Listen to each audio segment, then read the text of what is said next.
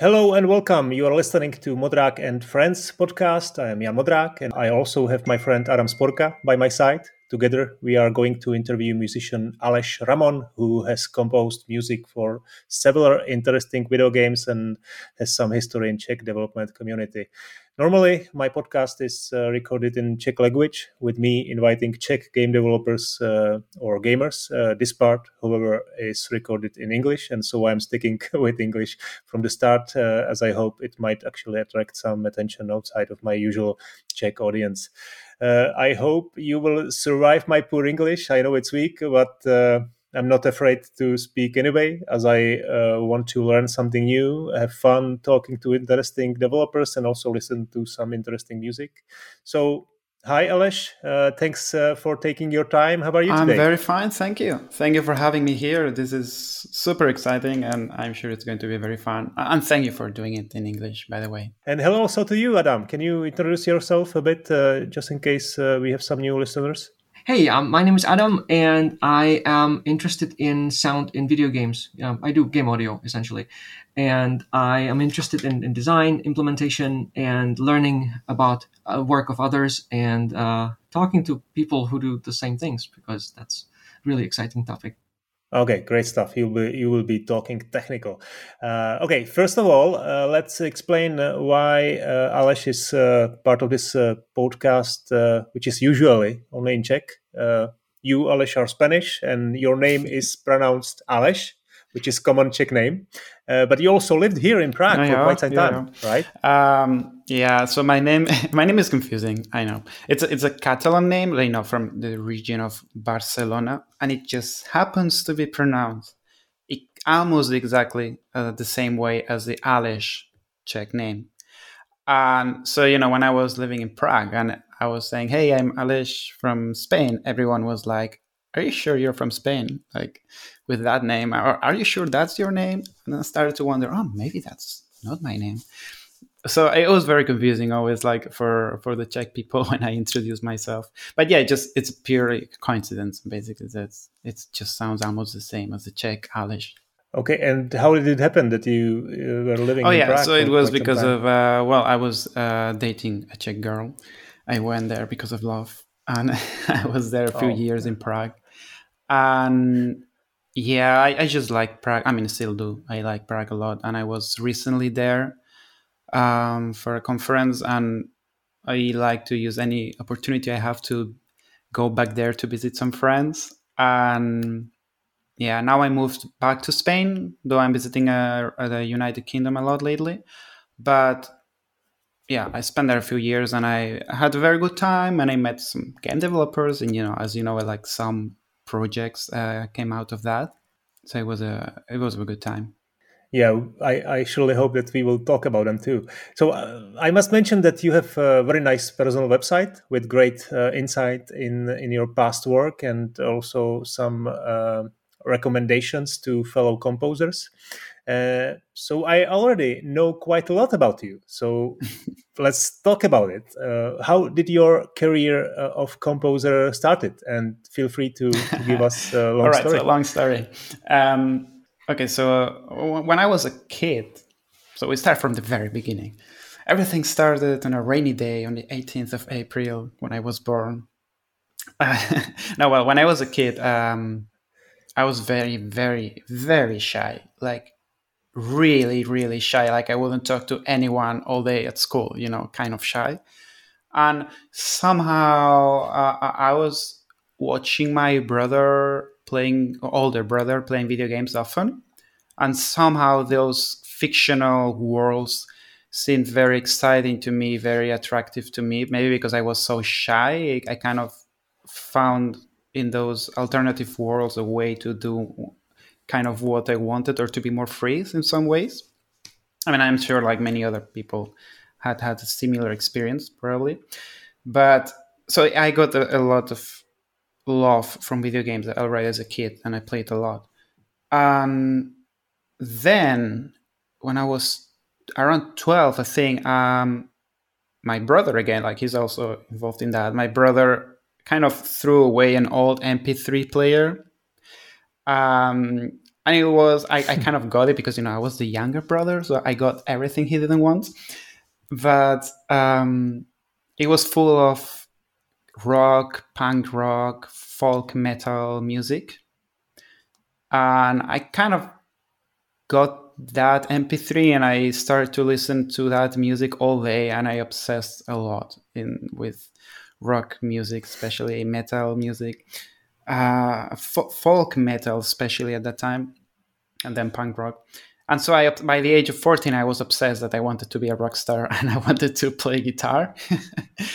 it can happen like that in, when you are 12 a year. You know, it's a, uh, it's a time that it can get yeah. intense. I um, and I was, um, it's funny because I was like today, actually, earlier, like listening to an interview to another composer, and he had exactly the same story. Like, when I was a teenager, I wanted to be a rock star, blah, blah, blah, blah. I ended up in video games.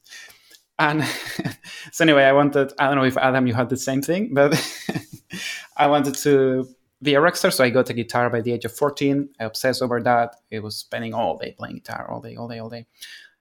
But and the side effect of, of that was that I started to not be so shy because you know concerts playing in bands and just playing an instrument maybe especially electric guitar because it's kind of cool and all that kind of makes you can make you feel more confident.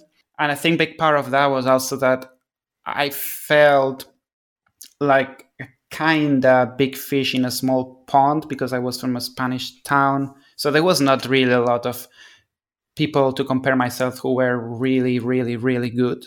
I mean, uh, there was some like teachers and stuff, but not really a lot as if I was maybe in a big city like Barcelona. I was not really in Barcelona or any other big city. So I think being in a town kind of made it was easy to be kind of the best one in your surroundings musically somehow. And i know that's maybe that doesn't foster a lot of grow maybe but it did foster a lot of confidence. So i mean in some ways i'm glad for that because i still feel that confidence and at least musically speaking it stuck with me and it still helps me nowadays to not doubt myself which is I mean, I try, of course, I, I'm I'm not like 100% confident all the time, of course, but you know, like I think it's an important thing to be confident as a composer, especially game composer, where you end up doing kinds of music that you've never done before. So if you're not sure about it, well, I mean, you would have to reject a lot of projects. So the more confident you are, the better. And yeah, that that helped me a lot. And yeah, I wanted to be a rock star um, unsurprisingly, it didn't work out. I didn't become a rock star. and and um, yeah, you know, by the age of kind of 18, 19, maybe even 20, I started to wonder, okay, what else can I do to, you know, make music part of my, a central part of my life? Uh, that's more doable, like economically, that allows me to survive. And at the same time, I was starting to realize that I was having hearing problems from playing so much metal music because I ended up playing a lot in rock and metal bands, other stuff too, but mostly rock and metal. And I got this tinnitus thing, like this ear ringing, permanent ear ringing that's so annoying. I still have it. I mean, it's quite, uh, it's not very intense, but it's still there. Like, it's like a reminder of that time. It's like a tattoo that you cannot get away, uh, that you cannot take out. I mean, and yeah like seeing that that you know i wanted to make it uh, make a way of uh, have a way of making a living from music and also to uh, stop playing live music to take care of my health. I was i got like a crisis period like a mo- kind of a period of wondering what do i do with my life? And i realized that what i liked the most about playing in bands was not playing live but composing music. And at the same time as i said before i was obsessed with video games. So i was like well, maybe making music for video games would be a good thing. And I, I just got very excited about the idea. And I, I always like video game music a lot. Like especially, I remember I was obsessed with Final Fantasy IX and uh, the soundtrack of Final Fantasy IX as a kid. And you know, I was. I mean, I started making music first uh, for short films, commercials for various years because I in university I studied audiovisual communication, so I got in contact with people who were making commercials, especially. And I kind of got a lot of experience making types of music that I would never do, um, writing music for commercials. And then um, slowly. Uh, that and that was perhaps already when I was in Prague. Actually, I mean, I was making music for some student games that never got released. And then when I was in Prague, my first thing, my first game project was Duka's Stoja the Noc. It's a mobile game, audio only game, which, by the way, today got released in English. Exactly today. And um, mm-hmm. it was a Czech only game, and yeah, today wow. they translated it in English. And yeah, that was my first project. And then after that came uh, Fix Fox, then now Captain Soda, and in between a lot of little things, um, also non-game related things like making music for others, producing music for other artists, or like little projects. And that's uh, how it happened. That's a long story. Sorry for the very long story. Okay, so this was great summary. Thank you for that. Uh, let's get mm-hmm. uh, back to it. Uh, what I'm interested in, even before you were 12 and you discovered this uh, this MP3 player, do you remember some uh, some music in video game which uh, you really are mm-hmm. passionate about? Yeah, Final Fantasy IX, as I mentioned briefly before. Um, that game, as a kid, was the first game when I was like, wow, I love the music. It was the first game that made me pay attention to the music. And over the years, I mean, it's, yeah, it's, I think it, I would say it's my favorite soundtrack. And Nobuo Uematsu, the composer, he, almost everything he makes is gold for me. And I love that. So uh, you sent me a few tracks. so let's start with the, with the something you called iconic song of one of the metal bands I used to play with. so I'll play it and then you can explain what it is.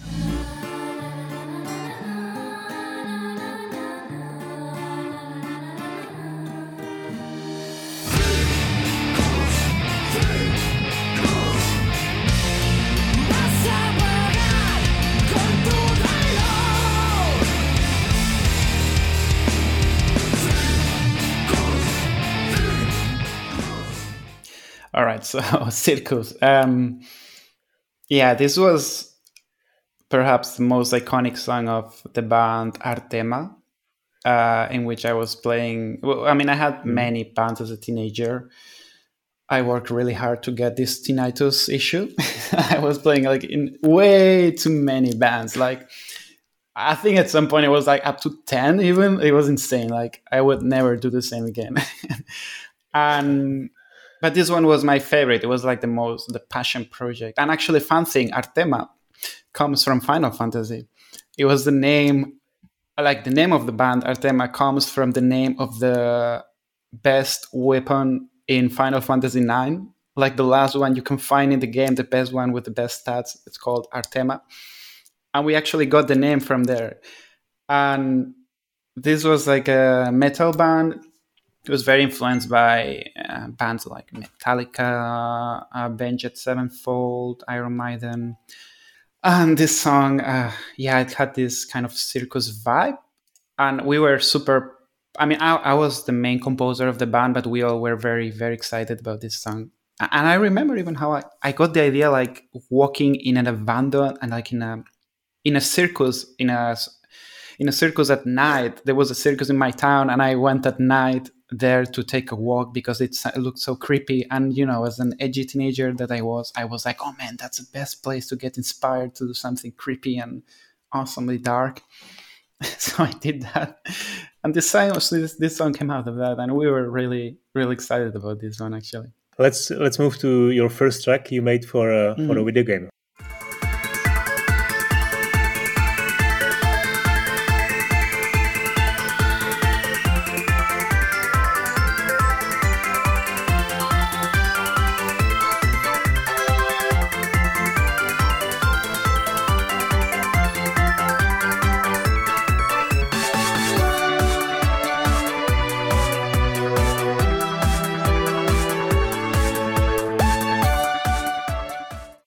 So, how old is this? This is like seven mm, years or this even more? might be like yeah, seven, perhaps eight years now.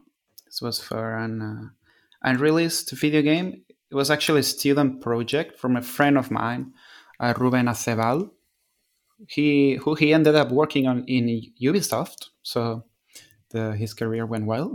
and, mm-hmm. we were good friends at the time. Uh, he was also from my hometown, and yeah, he asked me to make music for his uh, student project. I was super excited about that. And it was this kind of silly, childish space shooter, kind of, when called Space Sugar, in which you were uh, you were shooting. I think you were shooting sugar, and there was like you know everything was about candy, and they were you were in space shooting, and you know, little project, small project, but it was one of it was I think the first time where I could really put my creativity into a, a video game. So it was like a very important moment for me. Um, you know, I uh, I noticed that you have like you know you have a metal metal music on one one side and very very cute music on the other side. It really shows, it really shows uh, the the great range of music that you're working on, right? yeah, I kind of, I guess so. Yeah, I I I always liked extremes, like or extreme ag- or aggressivity, like intense aggressivity, or kind of intense cuteness to call it somehow. Like for some reason, I, I, I always liked extremes. Yes, and I kind of even feel more comfortable writing in one of one of both. You know, like uh, i actually really like writing like or very aggressive music or very cute music. I can do this like in betweens but it's i feel like it's more fun to do one of the extremes. You you mentioned this was your first gig in in video games uh, and at that time you also were composing music for documentary movies some commercials also some short films. So how did this job uh, uh, uh differs from hmm. from these? Well how it differs especially in that I was much more excited about this one, making because it was video game music. And I mean, it was still. Uh, I still like to make music for documentaries and short films, but just you know, video games are like they really have a special place in my heart. Okay, so first of all, uh, music for some documentary movie it, it seems boring for me. You know, it's something that just you know is there uh, back in the movie somewhere is not that important like uh, music in games. Uh, bit different it is with commercials, right? Music is big part because it needs to to, mm-hmm. to present some emotions, which is uh, a little bit similar to to what you are trying to achieve with the music in video games. Still, it's a, a huge huge uh, difference in uh, in composing something for for a video game where it there are levels, there's different uh, topics and different emotions you want to present it's surely different from from 30 seconds yeah. commercial right? Um, yes. The main difference for me is that at least in my creative process is that i feel more free actually in making video game music because you have more space to develop a musical theme to develop the music as you want because in commercials it's like it has to be like 22 seconds long exactly. And at second 10 this happens at second 20 this other thing happens the music has to fit. That's it. In video games you have like it's a one or two minutes loop. This kind of thing happens this and this and this can happen here but you know you don't have to the music since it's uh, given the nature of random nature of games like you are more free to do whatever you want with music. You don't have to at second ten it has to be there has to be a surprise, and at second twenty there has to be this other thing. You're more free. You have one or two minutes of space to do whatever you want, and that's much for me as a musician. I find it. Some people find it the opposite, like uh, daunting, but I find it much more liberating and fun to have this so much space to do what you want. To have like like this play box, this place to do to have fun and also video game music usually has more melodies which i um, i really like like melodic music. That's maybe part of my love for chip tunes is because it's very melodic usually as adam knows. And um, yeah like just the type of music that you can find in video games usually. I, I like that kind of music much more than the very atmospheric music of documentaries for example. I mean usually or even in commercials, it's usually very discreet. I mean, depends on the commercial, but very often. So yeah, it's these two things I really like. I prefer much more video game music because of this. All right, so let's uh, let's play another track uh, from a game called mm-hmm. Dash Pong.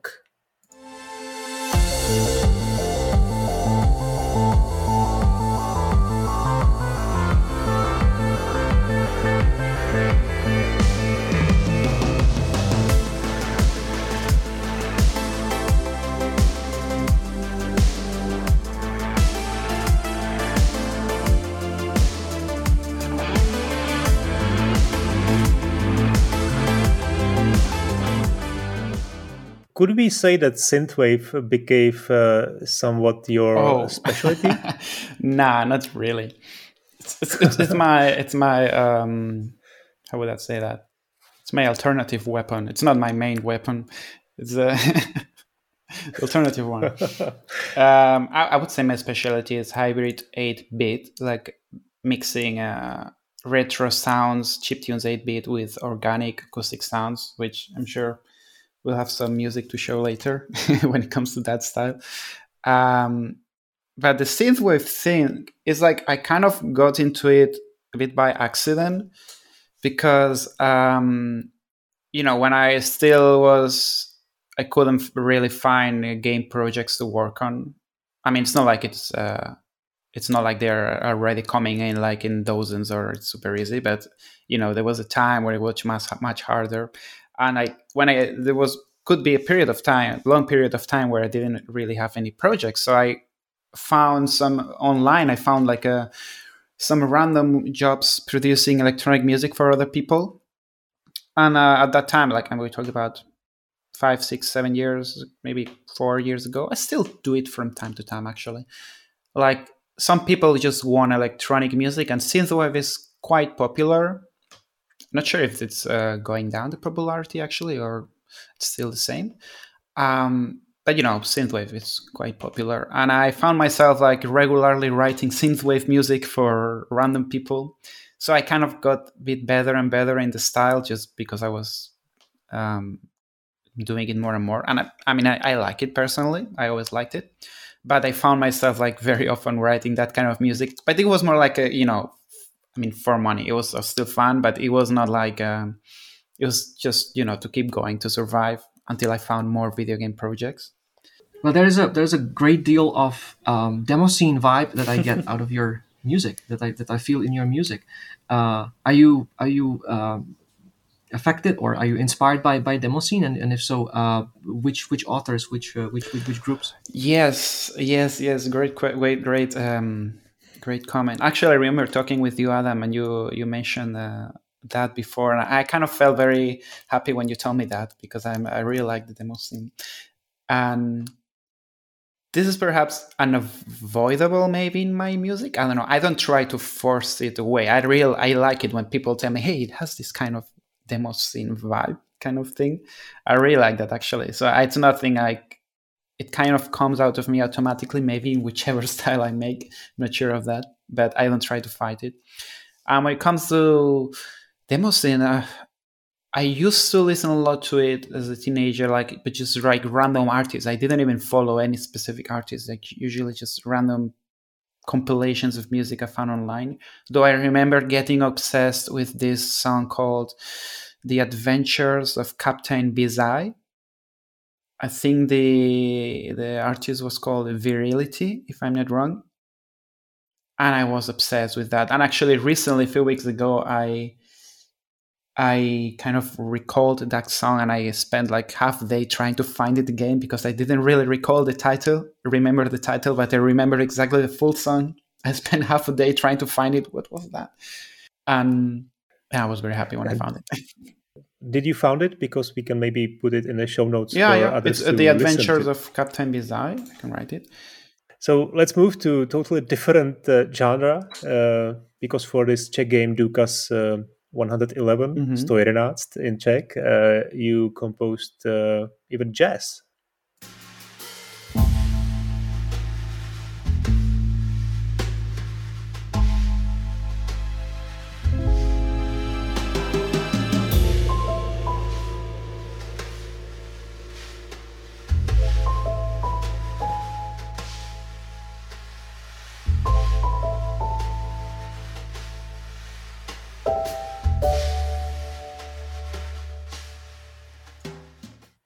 actually, I think this is first professional game you you worked on, right? So how how did this cooperation happen, and how was it? You know, how did you cooperate it with developers about the music, composing uh, right uh, uh music for this mm-hmm. Um, detective game? So I met the developer Tomas Tomas Ramos um, in a conference. In a I think it was the via a VR conference in Prague in which I was volunteering.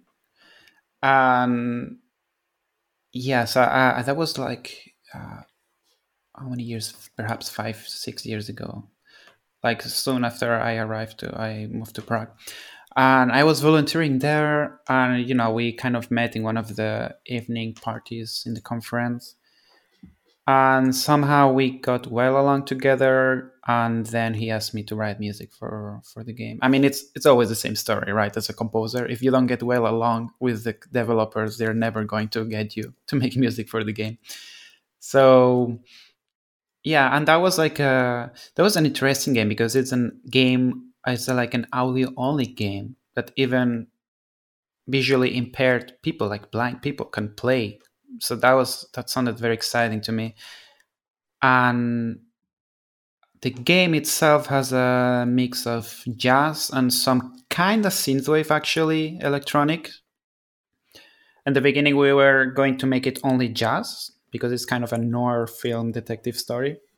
And then tomas decided he well he got the idea of adding a bit, making it a bit more synthy, like more adding more synthesizers, kind of uh, synth wavy synthesizers. So in the end, we ended up with this mix of jazz tracks and synthesizing um, tracks. And but this one was the this was intended to be the main the title theme actually this song but when we changed the vibe of the game we actually used it in a in a, a part of the game which as a music that was coming out of a radio like diegetic music like in which came from the game and funny thing i composed actually this song in the prague airport while i was waiting for a plane because in prague airport there's a piano that you can play and I was waiting there, and I just, you know, I was like, wait, you know what? Why don't use this time to work in these uh, ideas I had in my head? So this motif, that da dun dun, this piano motif there, I yeah, I composed it there in the airport, and every time I go there, like I visit Prague, it always reminds me of this of this song. This is a great story. So you were a newbie composer, right? How did it happen that you you got this job? You were hired. It was uh, very. Mm-hmm. Oh yeah, know, well, important uh, part of your career? Like, that's a good question. Like, how do you make this step from nothing to one as a composer, right? I mean, right. Actually, I had already done, you know, like a documentaries, commercials, short films, things for all that before doing this. So I could already show, hey, I know how to make music. Um, but in the end, I think many times as a composer, in the end, is like it's about it's a lot about having a good connection with the developer and that the developer really sees that you that you understand his ideas and i think tomas really like he saw that i really got him i got his ideas that i got the vibe he was looking for and i think that was the most important thing for him not that i had a lot of credits or i or scored a lot of games before which i had done i hadn't scored any about that time but that i understood him i think that was the most important thing for him. And I still find often that that's the most important thing for a developer when you work with them. Uh, let's make a small detour um, because I mentioned I already mentioned your blog. Uh, there is a lot of interesting stuff you wrote there. There is one article about uh, music that mm-hmm. makes uh, puzzles more fun. There is uh, another article about greatest soundtracks that can uh, that can get deeply emotional and how to do that. Uh, and there is interesting point uh, in in other article about budget, right? And uh, I think this is a really important topic for a lot of indie developers who has a, a very tight budget. So you, as a musician, uh, are pretty honest about these options uh, using uh, stock music. And if I'm not mistaken, you also tried to work as a someone who picks the right stock music mm-hmm. for these. Very well, you do your right? research very well. I see. Yeah, I did. I did. There was a period of time, um, actually, when I was in Prague. Actually, uh, during these years in Prague, there were a period. There was a period of time that I was starting to. I was trying and failing. I was trying to make uh, some online businesses because you know I still wanted to compose, but I got in my head that it was a very unstable career. I mean, it still is. I mean, it is a very unstable career, but I got the idea of okay, what if I make an online business, you know, and then I have more economical stability, and then I can focus on music. So sounded like a great idea, uh, but it was not. And the thing is, I didn't realize how hard it is to make an online business. Actually, like I think it's equally hard as making a living as a composer. And you know, later I realized, hey, if both things are equally hard, I want to focus on the one I love, which is composing music. So one of the business ideas I had was being kind of a music assistant. The project was called Your Music Assistant, and I would help people to find stock music for their projects whenever they didn't have um, enough budget to hire a composer. And uh, my idea was to eventually start hiring other people and, you know, have a team of people who would do it for me. So I wouldn't have to do it. I would just manage them and still have time to make music. You know, in my head, it sounded very beautiful.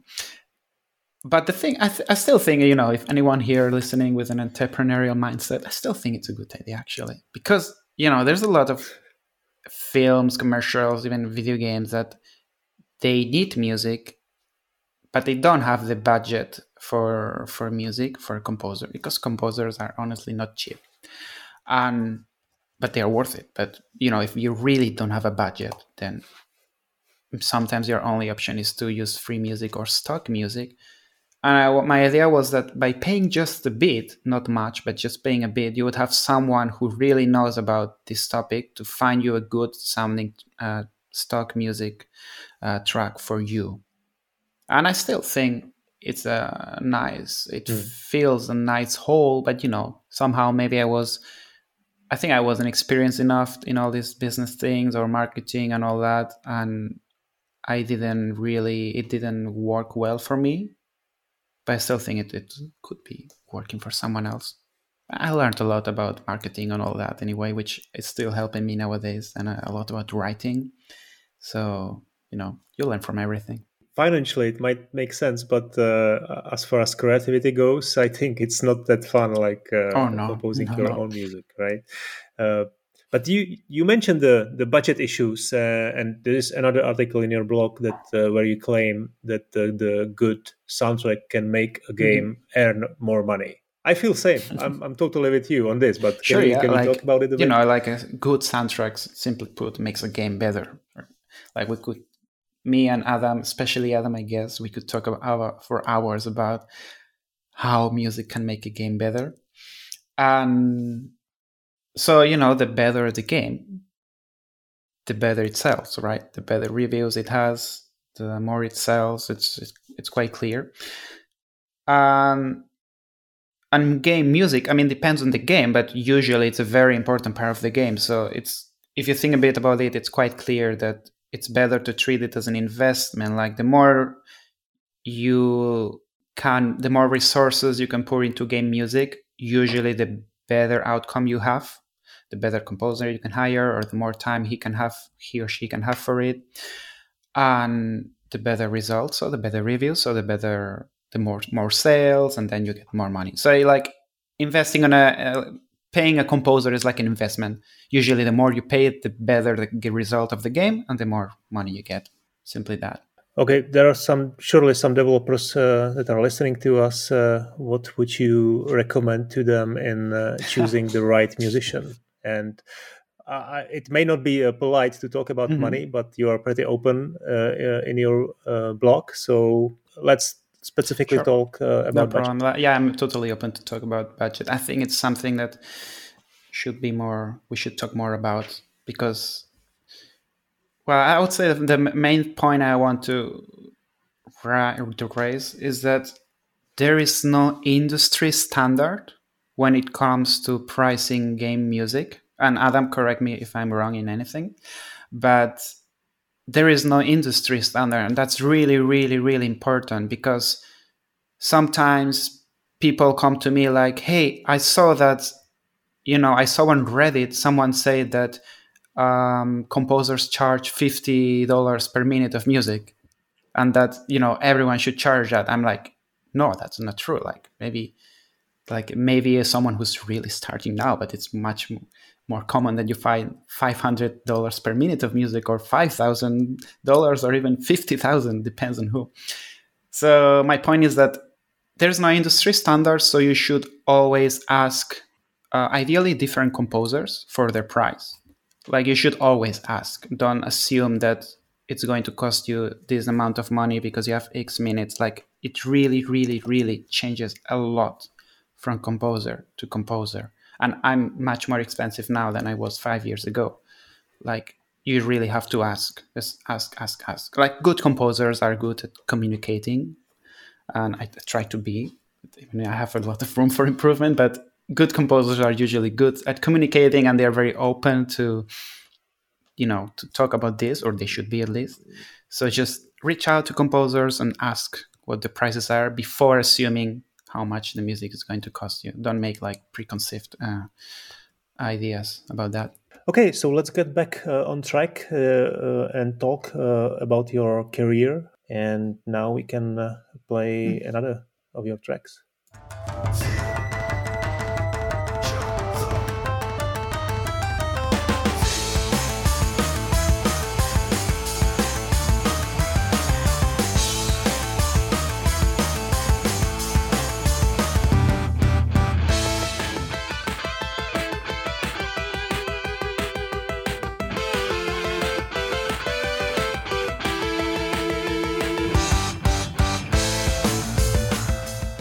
So what was this? Uh, no, tak. Uh, this is closer to my uh, main weapon, to my style. you know, not synthwave, but this, this kind of mixing um, whatever with chip tunes. That's what I'm obsessing over in the, during the last years. Uh, this was a track for um, Ninja Fall game, a pixel art game that's still in development and the game was re- very i mean it's very very influenced by naruto you know the manga and anime series. And so and so is the music. This was very fun to do because i i'm actually not the biggest fan but i really like naruto and i used to read it and watch it as a teenager. So you know having the opportunity to write naruto style music that being able to add my 8-bit twist that sounded like a super fun thing and it was a very fun thing you say chiptune, you say eight bit. So uh, when you, I mean, do you uh, understand this thing as a as a let's say you know general genre, or do you have like like some some very specific specific let's say platforms or synthesizers or like techniques in mind when you when you make mm-hmm. chip tune? Good stuff? question. Um, yeah, by 8 bit, I mostly refer to using these super simple uh, sound waves, you know, this pulse wave, like a, a square wave, like this very simple sounds I use um, emulations of of chips to, to I, I, mean I don't use like physical hardware like I know a lot of people do like or trackers. I I use the more kind of cheating to say it somehow like way like I'm like you know using the uh, plugins inside uh, my uh, DAW inside Cubase. I use a lot of mini Minibit, one that's called Minibit to emulate the sound but you know as you know like the sound the result is 99% yeah it's the same as as when you use a hardware so uh, do you impose some let's say constraints when you when you make uh, 8-bit music like the 8 from the 8-bit times that you don't use more than let's say two voices four voices you do some i don't know like a uh, uh, you know like other things like like mm-hmm. arpeggios these kinds of things yeah i don't limit myself that much. I actually the only limitation I put on myself is no synthesizers. If I use a synthesizer, it has to be like an 8-bit sound. Like, you know, I use either acoustic instruments or well, electroacoustic like electric guitar and 8-bit synths. That's the the only limitation. But I don't limit myself to any amount of tracks, like to make it like I, I could be a good idea to make it more faithful in perhaps in some tracks I would do it. But since I usually mix these 8-bit things with other instruments, I don't limit myself to a certain number of tracks. I also use sound effects, like I process the effects with delay, reverbs, and all these things to make it sound more modern. So I take the ingredient, the, as an ingredient, I take the 8 bit synth and I put it among other ingredients to make this music cake, to call it somehow. So it's just an ingredient, but I don't try to be like 100% faithful to how, you know, I don't try to replicate 100% the way uh, these uh, sounds were originally used in the old times, in the NES and all that. You were also mm-hmm. part of the game jams uh, I suppose, in Prague, right? And uh, this one is uh, very important for your career, if I'm not mistaken.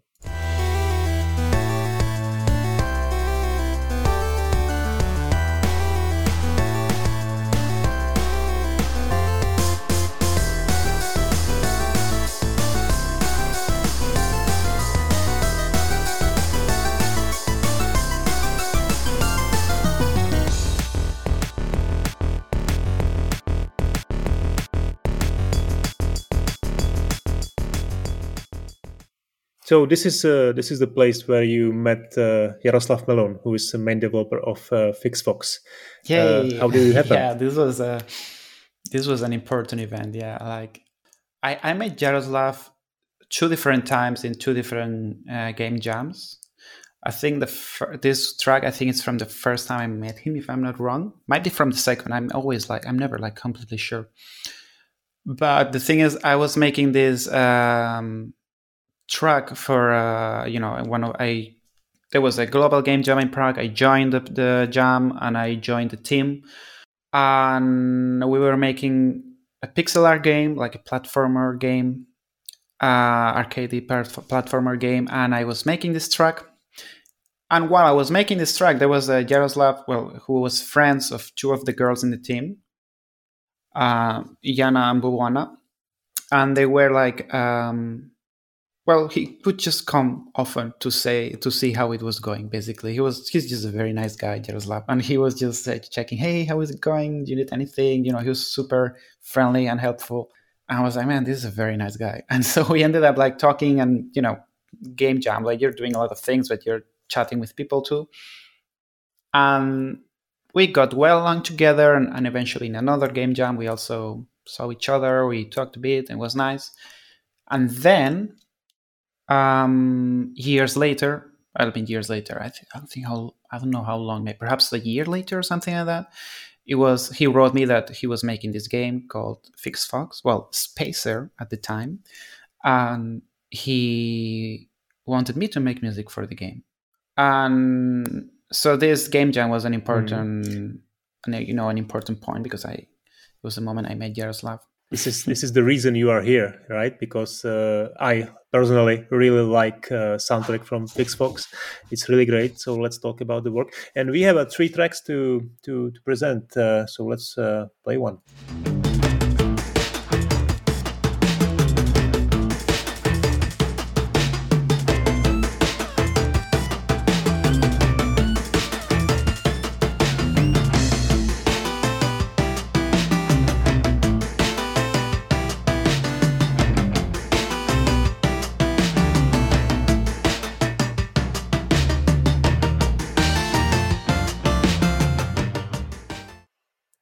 my first question is, uh, how long was this project? Uh, I mean, uh, Jaroslav uh, was developing it uh, for a really long time, I think, but the music uh, composing is a different beast, right? so how how how long it take taken to you to to compose it, and yeah, let's talk about uh, you communicating with uh, with Jaroslav. How how was it? Because you said uh, before that good uh, composers are really good at uh, communicating. Yeah. So okay. So I I really have to say first that um, I think one of the main reasons why the soundtrack of Fix Fox came out so well uh, is because of Jaroslav, not because of me, but because of him. Because he's really good, like really, really really good at communicating. Like he's my dream client. Like he's, awesome. Like he was giving such well thought feedback and he was so good at describing what he felt and what he thought and what could be improved what he th- everything like he it was really every time he was giving me feedback i was so excited like oh my god he wrote something because he was so good at writing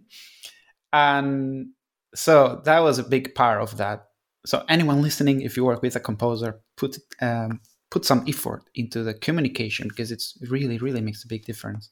The composer has to know has to know what's in your head. That's very important. Otherwise, he or she cannot meet your expectations, and then everything you know things don't go well. But in this case, yeah, Jaroslav was great in this, and uh, I think he reached out to me. I think it was September. I think. Yeah, it was in September, and I think it last. I started like around November or December, until I think most of the work was done by March, April. But then you know, June, July, there were still little things we were um, changing or little details about the implementation and all that. So it was a few months, like perhaps four intense months, more or less, and then perhaps a couple months of changing little mm. little details, and everything went super smooth. Really, that was a really a dream client. So, how did the discussion looked like? Uh, did you throw throw away a lot of music? no, that's the thing. He, he expressed himself so well. I think we we only like threw away like two tracks from everything I wrote. Like in the official OST soundtrack, like uh, official album of the soundtrack, it's like around one hour of music, and I think we only threw away two tracks. Like one was myself I like when it was almost finished i was like no actually you know i think this is not going to work and i changed it myself. Like he didn't really explicitly tell me that but i already saw it coming kind of. And then another track he did tell me hey i'm not fully sure about this track. And then i immediately the same day I started to work on something else and he really liked the, the other one. But i think a big reason is because of this because of he was so good at communicating and i think many times when a composer has to redo tracks very often is because of the communication that's not really clear or the client doesn't express very well what they what they want. I mean sometimes a client doesn't know what they want which is okay you know there's they don't have to be musicians or experts in music. It's part of our job to as a composer to sometimes to just come up with what the game needs right? And not really expect the developer to know exactly what they want. Many times my clients are like, I have no clue. You do your thing and that's it. In this case, the Jaroslav knew what he wanted from the very beginning, but he was very open to changes. Like he actually wanted a purely natural kind of uh, like organic soundtrack. And Matt, the idea of adding 8 bit sounds was my idea. Like I kind of proposed it to him and I sent him a demo. Hey, this is how it would sound without 8-bit sounds. This is how it will, will sound if we add some 8-bit sounds. And he liked the idea, so we changed the whole soundtrack into a 8-bit hybrid. His original idea was just country music, a bit of orchestral sci-fi thing in some places. And I proposed it, this to make this hybrid, and he was open to it. And in the end, it turned out turned out well. How did his original idea look like? I mean, uh, with the with the graphics you have concept artists and that sends the message to whole development team about uh, about the goal mm-hmm. uh, within the graphics right but how does it looks like in uh, in the music uh, did, did he send to you some reference music or did he explain in the text uh, how, how long was the text mm-hmm. you know mm-hmm. yeah he sent that? me uh, an excel file which i've looked at hundreds of times since then um, an Excel file with all the tracks he wanted. And every track, or almost every track, had a reference track, meaning a track that already existed. I think most of it was stock music, actually. And he was like, I want something in that direction, similar to this. Like in the end, it some of them changed quite a bit, but still that helped me a lot to understand what's in his head.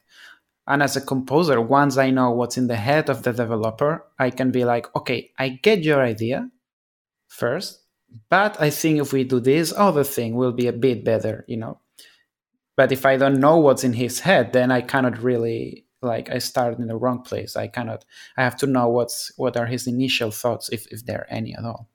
So he sent me these reference tracks, which is very good practice, I think, to show something that sounds more or less the way you want it to be or that ha- gives you the, the, same emotion or vibe. And that helped a lot. Basically that that was very useful. Adam what's your experience with the briefs? Uh, again i must say that you composed my jingle jingle for this podcast so yeah. i don't remember exactly how um, how uh, concrete I was uh, uh, with uh, with my briefs, but uh, surely you did some music for for for video games and how, how does it work from your perspective? Honestly it really depends on the project i guess sometimes it's like super formal thing uh, that you go and you go around and you just you know like uh, proof every single reference and you say how this reference would be good for your music and how this reference would not be good for your music. Sometimes it's just that you send a track and they're like, mm, we don't like it. So maybe if we if you try something else and you do it, then they were like, oh yeah, this is actually much better. You know, so it really it really depends on the client, as Aleš was actually saying, right? That that different clients are able to communicate in a different way. And I totally agree with you, Aleš, uh, that it's all about communication and, and all about figuring out what what what the project actually needs, right? And um, I don't think there is a there's like a, a like a formula that's like do this and it will be hundred percent success. You know, it's I, I I don't think it's like that. Okay, so let's play another uh, track from Fixfox.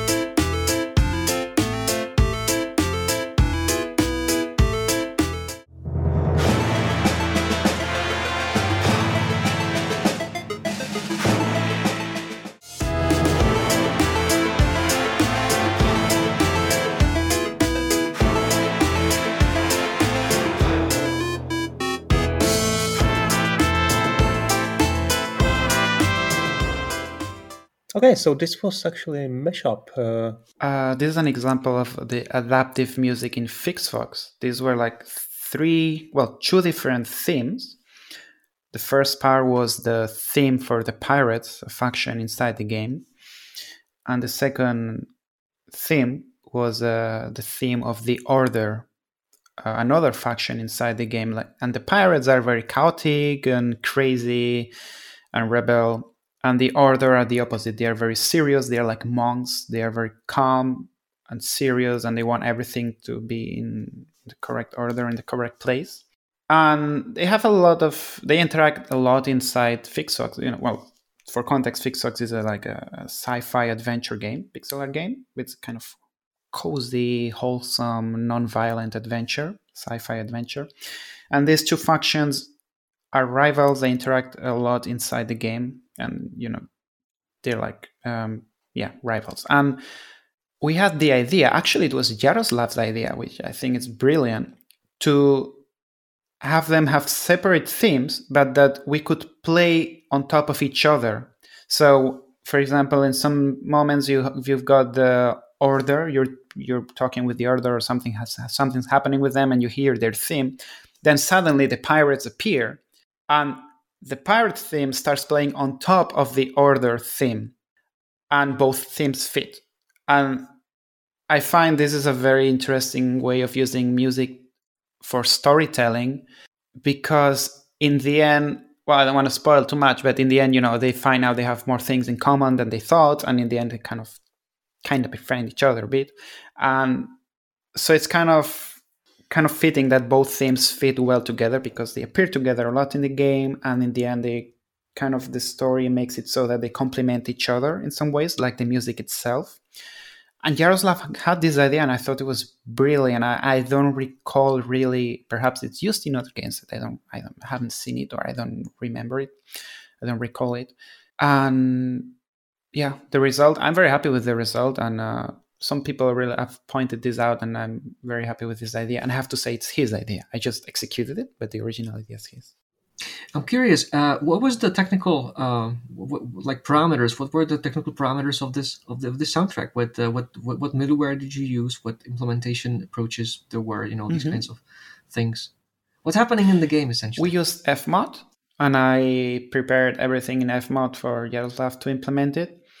I had used Fmod before in a uh, Dukas, of the Nuts, and other unpublished games before.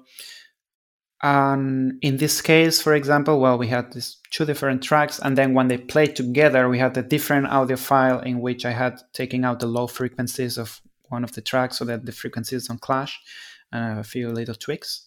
Yeah, so that's how we implemented it. Actually, it's not that complicated to make it. It's the trick here, tricky part was more from a compositional point of view to make the both tracks interesting on their own but also make them so that they are not a complete mess when they play together.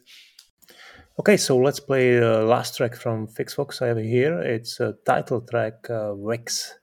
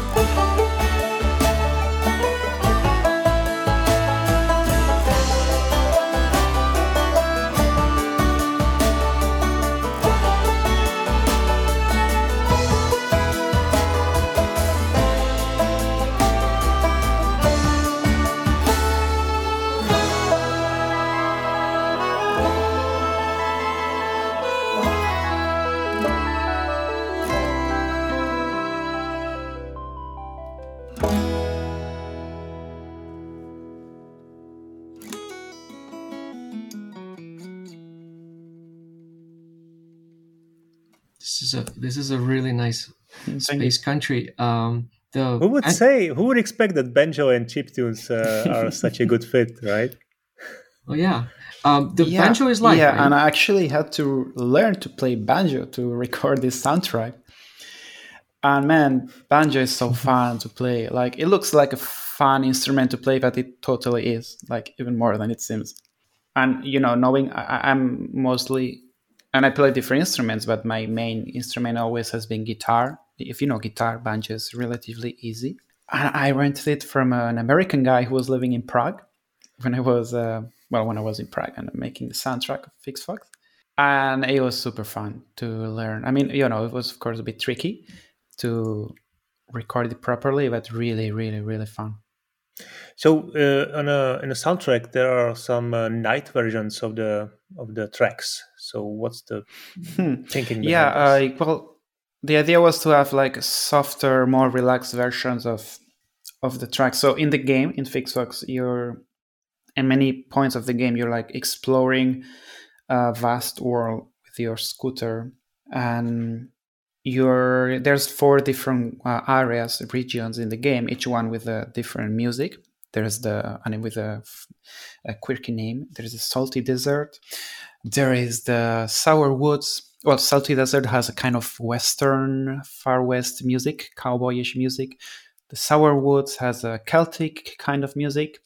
Then there is the sweet fields, which has country music, and then the uh, bitter mountains, which has kind of melancholic uh, piano music, wintry music, and each one has a night version. So for each track, there's a night version because there's this day-night cycle in the game. It's like daytime, and then after a few minutes, it turns into nighttime and the night version is more relaxed. In the case of the Bitter Mountains, it gets even a bit spooky, tiny bit scary even. But it's the night, and the night version is played with a clean electric guitar with lots of uh, echoes, delays, lots of effects. That was not just to create the relaxed vibe compared to the day songs, the day versions, but it was also like consciously a choice to inform the player that's night time that they should sleep they should camp they should stop exploring and we wanted to make it very clear with the music with so that whichever region they were when they heard this kind of clean electric guitar they already knew immediately oh right it's time to camp you know without the game explicitly telling you.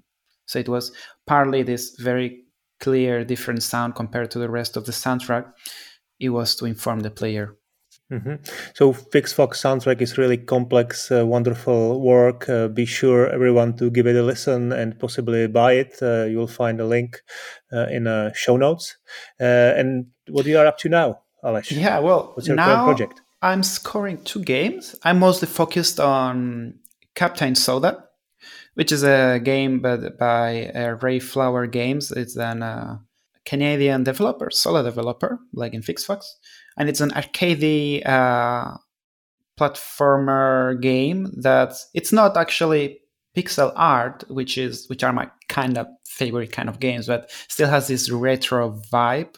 So he reached out to me, the developer reached out to me because of Fix Fox, because he wanted something that's not really 8 bit but has the retro vibe, because he wanted to give his game a more arcadey, arcadey feeling. And it's going very well. Like I'm, I've been, I think, since uh, since late September working on it quite intensely now, and I had my periods, entire weeks secluded from real, from society, like just uh, in this uh, house in a small town in Spain in the in the coast, just all day and almost all night composing, obsessing over the soundtrack, which is my favorite thing to do, to obsess over things. And it's going very well. And yeah, it has this mix of uh, kind of rock funk with 8-bit music, a bit of folk music, tribal music in some parts. Uh, it's playful so far. Uh, developer is very very happy with the progress, and I'm very happy with it also. So it's going well. And also I'm also scoring, though it's a smaller project, uh, a Czech game called uh, Chicken Empire, which is medieval music actually, totally, Okay. absolutely radically different music, purely medieval, nothing of no 8-bit, no chip tunes, nothing like that. Just purely acoustic, kind of medieval medieval music. Which I, I, it's cool that I have this kind of very opposing project. I find it refreshing. Okay, so let's uh, play a short excerpt of, uh, from uh, from one of uh, tracks uh, from this Captain Soda game.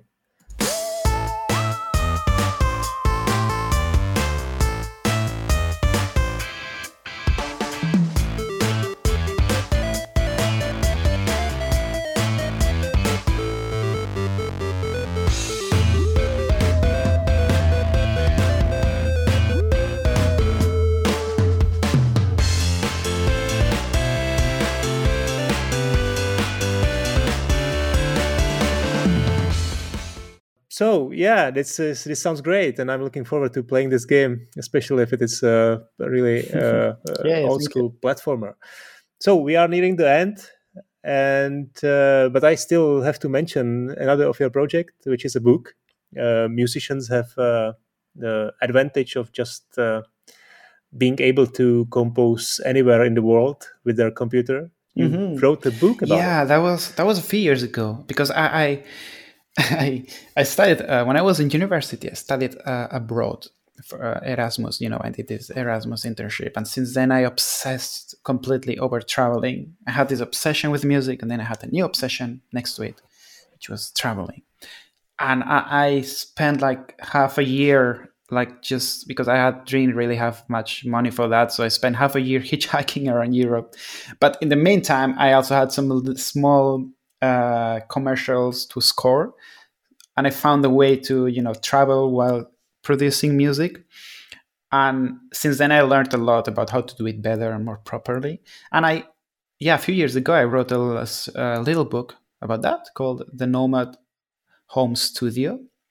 And for some time, I was very focused on getting it out there now it's still on my website and i'm giving it away for free for anyone to, to get it because i think this knowledge should be shared. But perhaps in the near future i will revive it make a new version updated version talk more about this topic because i think musicians almost by nature they're people who really enjoy traveling.